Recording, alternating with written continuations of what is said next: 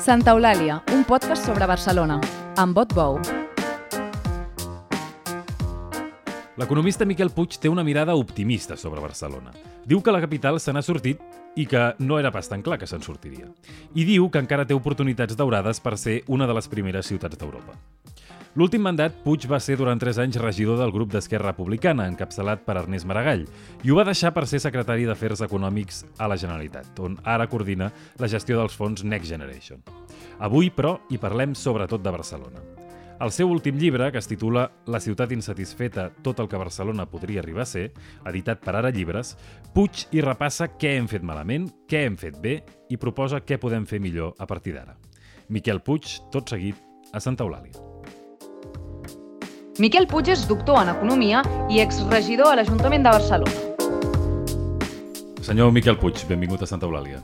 Perfecte, moltes gràcies, bon dia. És un goig eh, tenir-lo aquí. Escolti, eh, vostè, eh, corregeixi'm si m'equivoco, fa potser 50 anys, una cosa així, que se'n van a viure a Sarrià.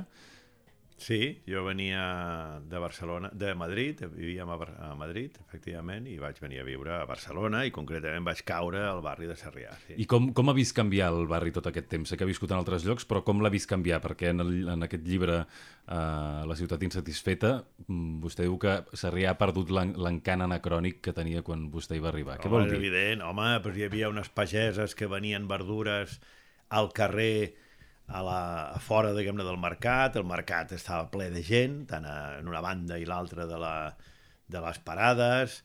Mm, la gent parlava d'anar a Barcelona, anem a Barcelona, venim de Barcelona. Era molt, era molt diferent, era, tenia un ambient, podíem dir, antic i un ambient amb molta personalitat rural encara, no? Ara és un barri de Barcelona, està plenament integrat en la... Ningú no diu vaig a Barcelona i el mercat està més aviat buit i aquelles pageses que estaven fora, pues, evidentment, no existeixen. Potser una de les coses centrals que ha canviat és el transport, la facilitat del transport? Això, això, això ha canviat a millor, evidentment, a millor. O sigui, el, el que era més característic és que els carrers de Sarrià estaven plens de cotxes. I ara doncs, hi ha una part molt important que està peatonalitzada, això ha millorat moltíssim. moltíssim. Per exemple, Gran de Sarrià, no? De, Gran de Sarrià, per descomptat, Major de Sarrià, no li diem Major de Sarrià eh, la, la plaça de la Vila, eh, la plaça de la Vila, la plaça de Sarrià, eh, la plaça Sant Vicenç, tot això són places que avui dia són molt, molt agradables. Molt, evidentment, un, un inconvenient és que és, és un barri molt gentrificat. Ara s'està en un procés de gentrificació enorme, no sols en quant als habitatges, sinó també en quant al públic que l'habita, no? perquè hi ha molta gent que passeja per Sarrià, que va comprar Sarrià, que no és de Sarrià, que és sobretot de Pedralbes. Perquè Vostè Pedralbes parla d'aquesta no assimilació, no? d'aquesta mimetització que, progressiva que hi ha hagut amb, amb Pedralbes, que per bueno, exemple... clar, Sarrià és molt atractiu, Pedralbes no és gaire, i per, per passejar ni per, ni per comprar, perquè no hi ha botigues, ni hi ha bars, ni hi ha res, no? I per tant, Sarrià és el magnet, sí. Fa gràcia que vostè diu que, per exemple, durant la pandèmia semblava que la gent, eh, per passejar més tranquil·lament i per viure més tranquils, la gent de Sarrià semblava intuïtiu que haguessin d'anar-se'n a, a passejar per Pedralbes i que en canvi va passar al revés, que el, el, la vitalitat de Pedralbes sí, i la densitat sí, sí, sí. Va, ai, de Sarrià va fer que la gent de Pedralbes se n'hi anés. Sí, sí, no? No. Jo dic que he viscut a Pedralbes i he treballat molt a la universitat, a la, al campus nord, a la universitat, i per tant he travessat Pedralbes milers de vegades al llarg de la meva vida i mai no hi ha ningú passejant. Mai no hi ha ningú passejant. I en canvi, objectivament diries, intuïtivament diries, és un lloc agradabilíssim per passejar. Hi ha poca gent, pocs cotxes, molt verd, no? Però no, i això et dona la raó a Jane Jacobs, que ja deia, deia, aquesta mena de barris és que no agraden no tenen interès. Quins són els barris que agraden? És que volia començar per aquí perquè vostè en parla molt dels barris i, i a través dels barris de la vitalitat de les ciutats. No? Jo crec que molts barris de Barcelona són molt atractius perquè tots tenen un centre, un nucli, un nucli que molt, molt sovint és un antic poble assimilat a Barcelona, on hi ha un mercat, on hi ha un casal, on hi ha una plaça, on hi ha botigues...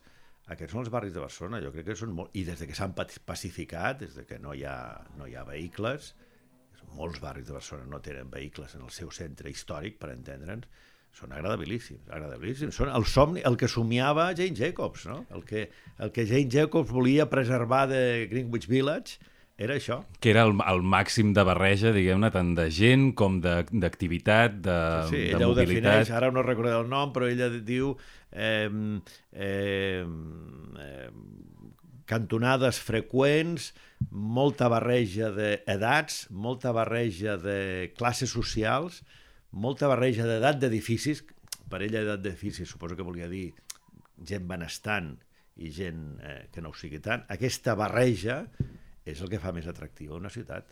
De tota manera, Barri, vostè, vostè, si ho he entès bé, diguem-ne, eh, critica que precisament hi ha una certa gent eh, que, que creu d'una manera un punt utòpica, segons vostè, que, que, la que s'ha de carregar la idea de la ciutat i, i convertir-la en una cosa que sigui una, una pura juxtaposició de barris, tot de, tot de centres dispersos, eh, en què la gent... Això de, això de la ciutat dels 15 minuts, no?, que vostè eh, diu, Bueno, jo diu, diu que que és- és una collonada, sí. Sí, efectivament. Per, per què és Efectivament. dolent això? És a dir, per, per què hi ha aquesta cosa més atractiva en el fet que el, els barris cadascun tingui la seva vitalitat i en canvi, o el seu centre, i en canvi és contraproduent per la idea de ciutat?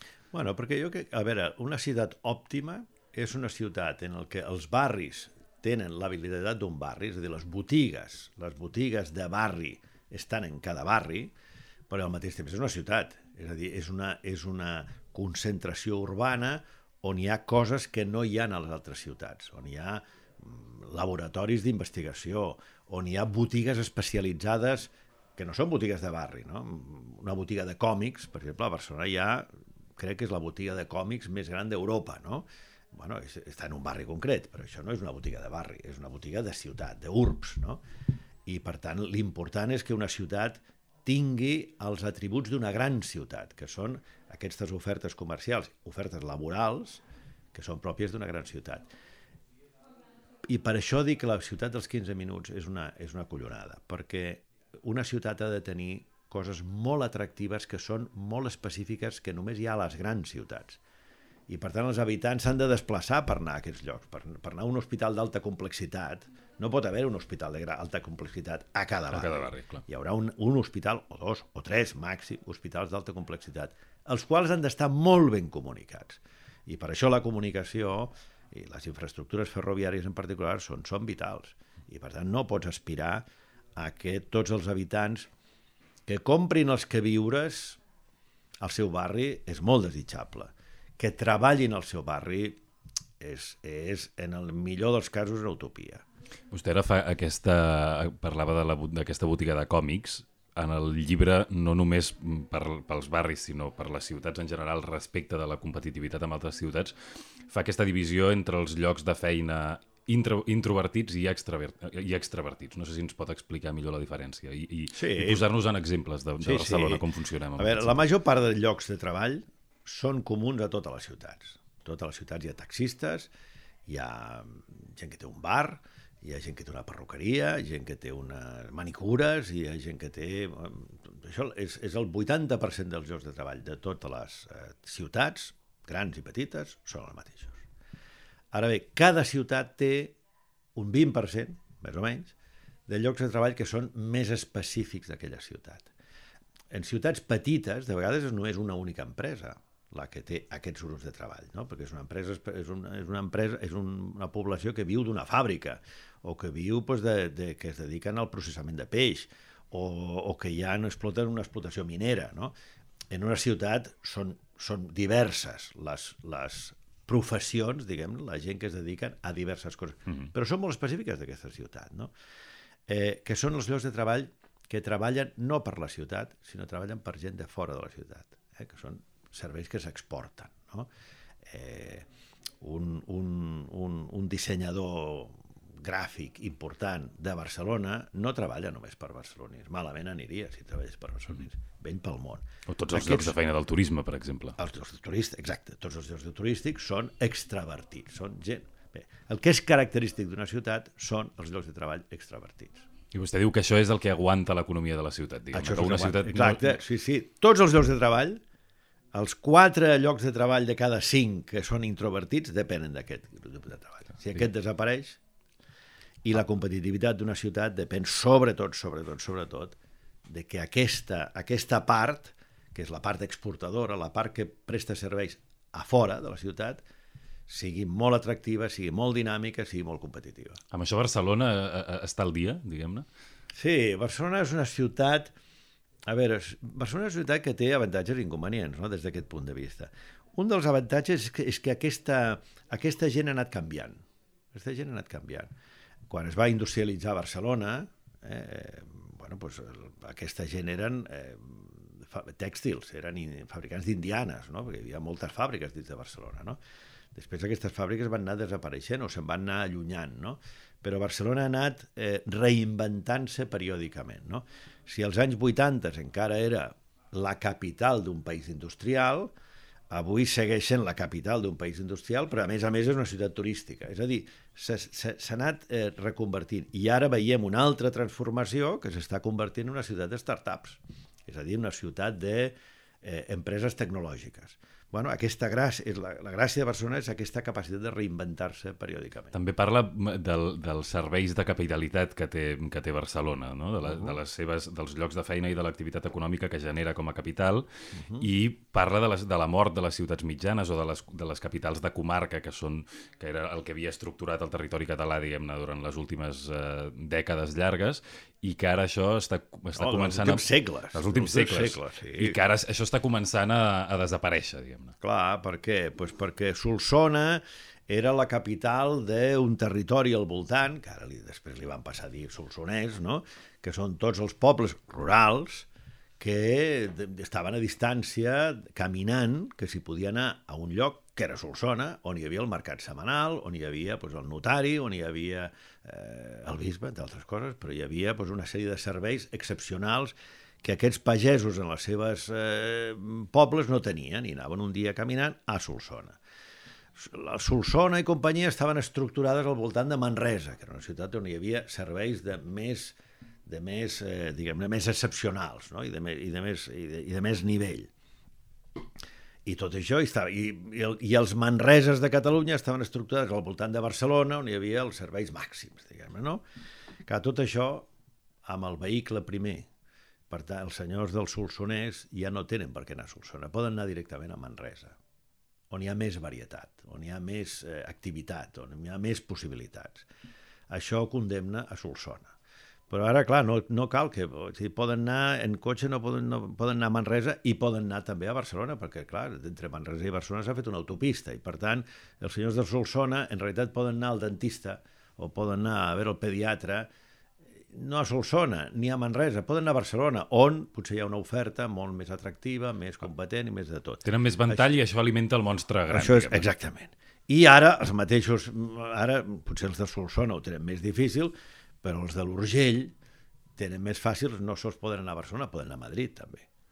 I per tant és una, és una amenaça molt gran, però això és un fenomen català, és un fenomen de tot arreu del món. És a dir, la ciutat intermèdia està morint, en favor del gran monstre, que dius tu, de la metròpoli. Això és una cosa que, que escriu vostè també, que semblava que durant la pandèmia i durant la, no només la pandèmia, ja abans, amb la digitalització i l'extensió del teletreball, que semblava que hi havia d'haver un, un repartiment eh, sí, dels però... llocs de feina i que molta gent que podia teletreballar se n'aniria cap al món rural o cap a aquestes ciutats mitjanes que diem, i en canvi ha passat el contrari, no? S'ha accelerat, accelerat la, el despoblament sí, del món sí, rural sí, i la ciutat, en canvi, s'ha magnificat. S'havia dit que el món és pla, amb les tecnologies i les comunicacions el món és pla i, per tant, una empresa podria dir, un moment, els treballadors, els enginyers eh, són molt cars a, a, a Berlín. Bueno, però jo no cal que em vagi a Berlín. Jo puc contractar enginyers de Barcelona que treballin, teletreballin, o de la Índia.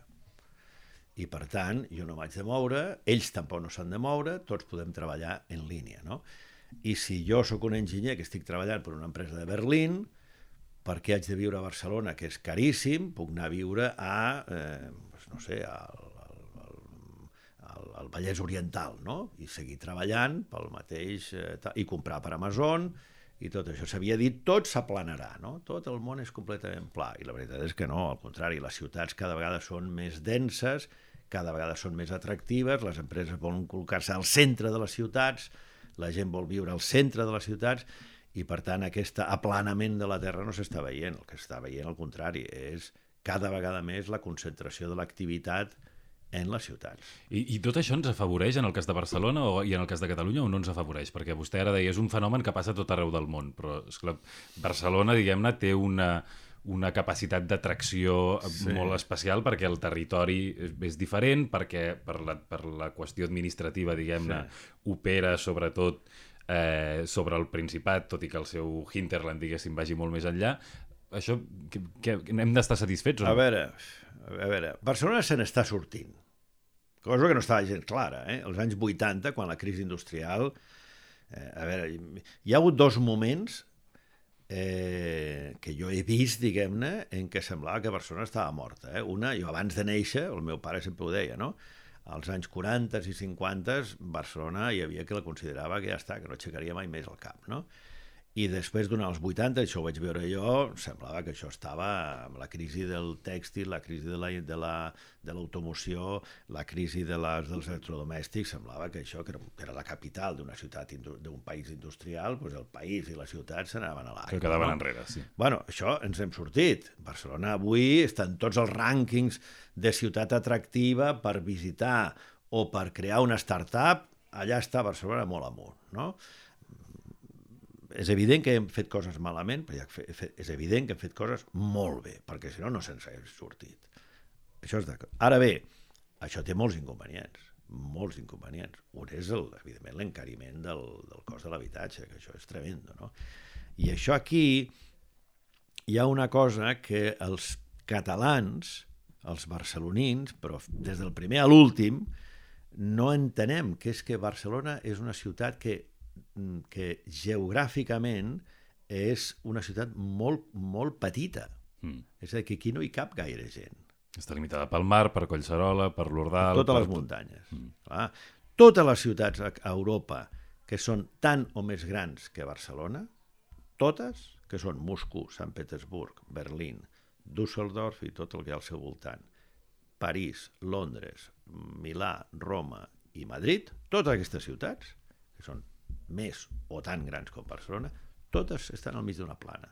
Jo aquí li rebatria que això ja és, diguem-ne, que podria ser un, un plantejament obsolet perquè avui l'Hospitalet ja és Barcelona, el, una part del Vallès ja és Barcelona... No, per descomptar, no, no, jo m'estic referint a la metròpoli barcelonina, eh, a, la, a un radi de 25 quilòmetres al voltant de, de Barcelona, de, perdó, de plaça Catalunya, o del Cinc d'Oros, si vol, que vol dir que arribes a Terrassa, mm. eh? 25 quilòmetres al voltant d'això, és l'espai on ha d'haver-hi una ciutat. Perquè una ciutat ha de tenir un radi d'uns 25 quilòmetres màxim. Per què 25 quilòmetres? 25, qui diu 25 vol dir 30. Perquè, és a dir, Barcelona ha d'arribar doncs, fins a Mata de Pera. Fins allà ha d'arribar. Per què? Perquè això és el radi dels regionals, dels trens regionals. Els trens regionals són trens que van màxim 100 per hora, de mitjana 50-60 per hora, tenen una parada cada dos o tres quilòmetres i la gent va dreta, pot anar dreta. Eh? Eh, aquest radi, que és el radi que permet que una persona visqui en un barri allunyat del centre, però es pugui desplaçar-se diàriament a qualsevol altre punt, això és un radi de 25 quilòmetres. En 25 quilòmetres de radi, qualsevol d'aquestes ciutats d'Europa té 2.000 quilòmetres quadrats urbanitzables. En 2.000 quilòmetres quadrats hi cap una metròpoli de, de, de, de 10 milions de persones. Però a Barcelona, en un radi de 25 quilòmetres al, radi, al voltant de plaça Catalunya, doncs hi ha una tercera part d'aquests 2.000 quilòmetres quadrats. I per tant aquí una gran metròpoli, o hem de decidir que la nostra gran metròpoli és més petita, cosa que no estem decidint, perquè aquí estem, estem atraient gent a, a tot i ple, no? O bé hem de dir Barcelona és excepcional, i, per tant, Barcelona és una metròpoli que s'ha d'estructurar no sols al voltant del metro i del regional i del, i de la, i del Rodalies, com totes les ciutats d'Europa. Barcelona necessita metro, regio, eh, Rodalies i regionals. És a dir, necessita un tren que per les mateixes vies que Rodalies arribi fins a Igualada, arribi fins a Vilafranca, arribi fins a Vilanova, arribi fins a Granollers o arribi fins a Mataró. I com pot ser que no estiguem planificant tot això en termes d'infraestructures, en termes de previsió, pues perquè de planificació, hem, perquè, de terrenys... Perquè no de... tenim les idees clares. Perquè no tenim les idees clares. Perquè no estem pensant... Perquè aquí l'augment de la població catalana i de la metròpoli, eh, l'estem considerant com una bueno, com un fet imprevisible que es dona. Mai no hem pensat de dir un moment, Catalunya tindrà eh, l'any 2023 arribarà als 8 milions d'habitants, dels quals 5 i mig o 6 viuran a la metròpoli, a la gran Barcelona. Això mai no ho hem fet. I per tant necessitarem aquestes infraestructures. No ho hem fet mai. No ho hem fet mai, perquè bueno, hem tingut altres... Però quan altres... diu que no tenim les idees clares, què vol dir? Quin, quin, quin és el problema polític, diguem-ne, el problema? És, és un tema de falta de recursos, de falta de lideratge, de falta de... de què? Bueno, suposo que de falta de previsió. Vostè parla, per exemple, molt de la comparativa amb Madrid, que estem fent permanentment. Sí, Suposo permanentment que... estem comparant-nos amb Madrid. I tractem d'imitar Madrid, però oblidem sempre l'orografia de Madrid. Sempre oblidem l'orografia de Madrid. Que és plana. Que és plana. Que és plana i que, per tant, només necessita eh, regio... eh, eh, trens eh, de rodalies. Aquí no hem fet ni les rodalies. Aquí ara, des de que fallen les rodalies, des de que fallen les rodalies, ens preocupem de les rodalies. Però l'any 92, quan aquesta ciutat es va repensar, en termes metropolitans, quan es va repensar, no van pensar en els ferrocarrils. Van fer un túnel perquè eh, Barcelona havia d'arribar al Vallès, van fer un túnel, Ferrocarrils de la Generalitat ho ha fet molt bé creant un metro fins al Vallès, però sobre una via que ja existia, eh? ho ha fet molt bé, però sobre una via que ja existia, que van fer els nostres avis. Eh? Però a l'any 92 ningú no va pensar un moment, una ciutat de 5 milions d'habitants, amb aquesta geografia necessitarem aquests ferrocarrils. No, estàvem pensant en el metro. No van fer ni un, ni un sol metro, metre de línia de metro. Eh? Ni un metre. Però bueno, estàvem pensant en el metro. Millorar freqüències, etc etc, la línia 9, etc. Molt bé, van pensar, eh? no, van fer, no van fer res, eh? ni un metre. Van pensar en el metro no van pensar en les rodalies, encara menys van pensar en els regionals. Però això fins a quin punt és uh, simplement falta de previsió o falta de, de decisió i fins a quin punt és que hi ha una política d'estat al darrere, diguem-ne, que tampoc li ha interessat afavorir especialment la connectivitat de Barcelona? Ah, no, això és evident, això és evident. A veure, la política estatal és Gran Madrid, el Gran Madrid. Això, per descomptat, és la política estatal. I això ens perjudica, sens dubte. Però nosaltres tampoc no hem tingut les idees clares. Ara mateix, Ara mateix no estem pensant en què passarà a Catalunya si l'any 2050 tenim 10 milions d'habitants, dels quals 7 estaran aquí naturalment, perquè no, el que no podem pretendre és que els, els, el, els immigrants vagin a viure al Segrià o al Solsonès perquè no hi aniran. Bé, hi ha, hi ha punts del món on hi ha una, un fenomen de repoblació de pobles petits, diguem-ne, amb, amb vides d'immigrants, no? Estem parlant en sèrio o estem parlant, eh, estem parlant eh, anecdòticament? En sèrio? No, no, no ho sé, és a dir, no els, no sé, els, els immigrants... Depèn de si hi ha una política... A veure, els, immigrants, els, immigrants, els migrants es desplacen, primer, dins del seu país, a les grans ciutats. Primer moviment, el més important. Del camp a la ciutat. I després van de la ciutat a una, a una altra, altra ciutat, gran ciutat, que normalment és més gran. Aquest és el moviment. Que anecdòticament pugui haver gent de Barcelona que se'n va a viure al camp, neorurals. Molt bé, sí. Que, que evidentment hi ha gent que va del, de, del Senegal al Segrià per dedicar-se a l'agricultura. Sí, pot ser. Evidentment, tot això, però tot això són anècdotes. Els moviments importants que ens han d'importar són moviments del camp a la ciutat, allà on encara hi ha gent rural, que això és, encara és Amèrica Llatina, encara és la Índia, encara és evidentment l'Àfrica subsahariana, cap a les ciutats d'aquell mateix país i després d'aquestes ciutats cap a les grans ciutats europees, americanes, etc. Aquest és el moviment, diguem-ne, important. Una altra, una altra cosa que, no, que, que va travessant el seu llibre és, és aquesta crítica a una de les utopies que diu que entrebanca en la ciutat, que és l'utopia del decreixement, d'aquesta gent que fa com a apologia del decreixement. Bueno, perquè no... A veure, el decreixement és una etiqueta molt, molt, molt, podríem dir... Que genèrica. És molt genèrica, no? Jo mateix, jo em considero un cert decreixionista, eh? És a dir, jo penso que la Catalunya del... O sigui, la, la, que és absurd, una cosa que fem tots els economistes, no? que és pensar que el PIB anirà creixent cada any l'1%, el 2%, el 3% cada any. Bueno, és evident que no, que això no, no pot ser. Hi haurà un moment que no. No arriba, no? Perquè, clar, no hi haurà minerals, no hi haurà aigua, no hi haurà energia, però això és impossible, no? I afortunadament la demografia, afortunadament la demografia ens ajudarà, perquè la demografia del món, tot i que està creixent rapidíssimament, tot sembla indicar que està arribant al seu màxim.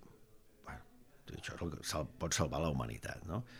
Ara, quan, quan jo critico el decreixionisme és quan eh, és la gent que, normalment de casa bona i de país ric, que creu que, bueno, que podem prescindir dels avions, que podem reduir el consum elèctric, que podem, que podem viure en un entorn eh, neorural, no? que podem ruralitzar les ciutats. És la gent que es pensa que les ciutats mm, canviaran a, a base de fer horts urbans, per exemple. No? Bueno, pues això, senzillament, això no té cap sentit, ni molt menys. Amb la política de mobilitat, per exemple, ho ha vist els últims anys, que hi havia una certa tendència... Sí, per exemple, home, mm, la, la idea de pacificar carrers sense haver estudiat com es fa el moviment de la gent de fora de la ciutat, concretament a Barcelona, no?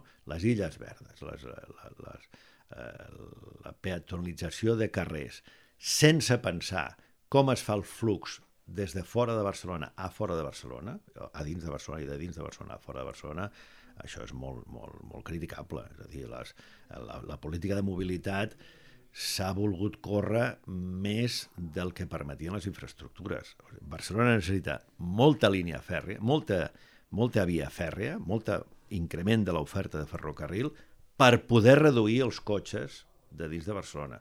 Però pel sol fet de que tu redueixis els cotxes a Barcelona, això no farà la, que la gent vagi més en ferrocarril si els ferrocarrils estan col·lapsats i estan col·lapsats en el doble sentit de que els vagons estan plens de que no pot haver-hi més freqüències i, I que, a més a més falla no i que a més a més falla la infraestructura. És a dir, tu abans de restringir el cotxe a la ciutat, molt bé, el veí que li ha tocat la pacificació li ha tocat la rifa i està encantat de la vida, però, però la resta empitjora i el conjunt eh, empitjora la ciutat, perquè una ciutat necessita molta mobilitat. La mobilitat és, és consubstancial a una ciutat. Una ciutat sense mobilitat és una ciutat morta.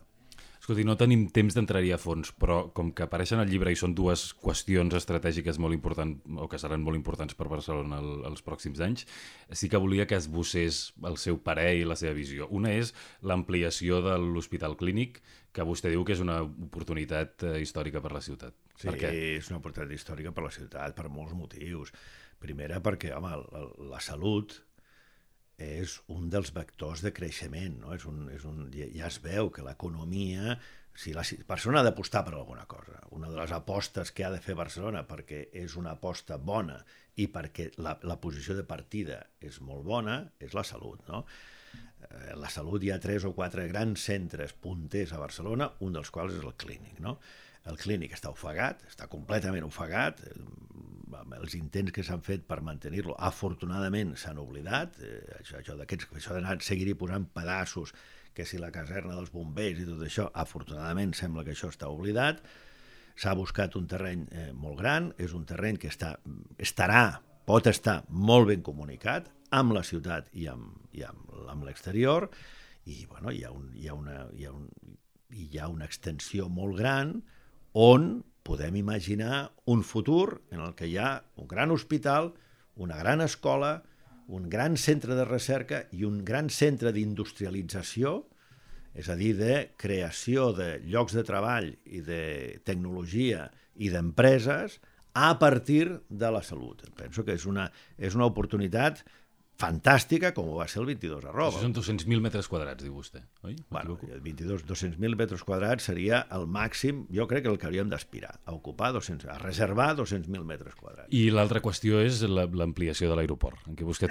vostè sobretot posa l'èmfasi eh, no tant en quina ha de ser la, ha d'acabar sent la proposta definitiva, sinó en què hem de canviar la manera de posar-nos d'acord, o el procés sí, per posar-nos sí, d'acord. Sí, sí, jo crec que, a veure, eh, jo sóc amic de persones que estan proposant una solució jo penso que, que el que és important és que ens posem d'acord en com decidim aquesta solució, perquè les solucions... A veure, l'aeroport del Prat té 10 quilòmetres quadrats.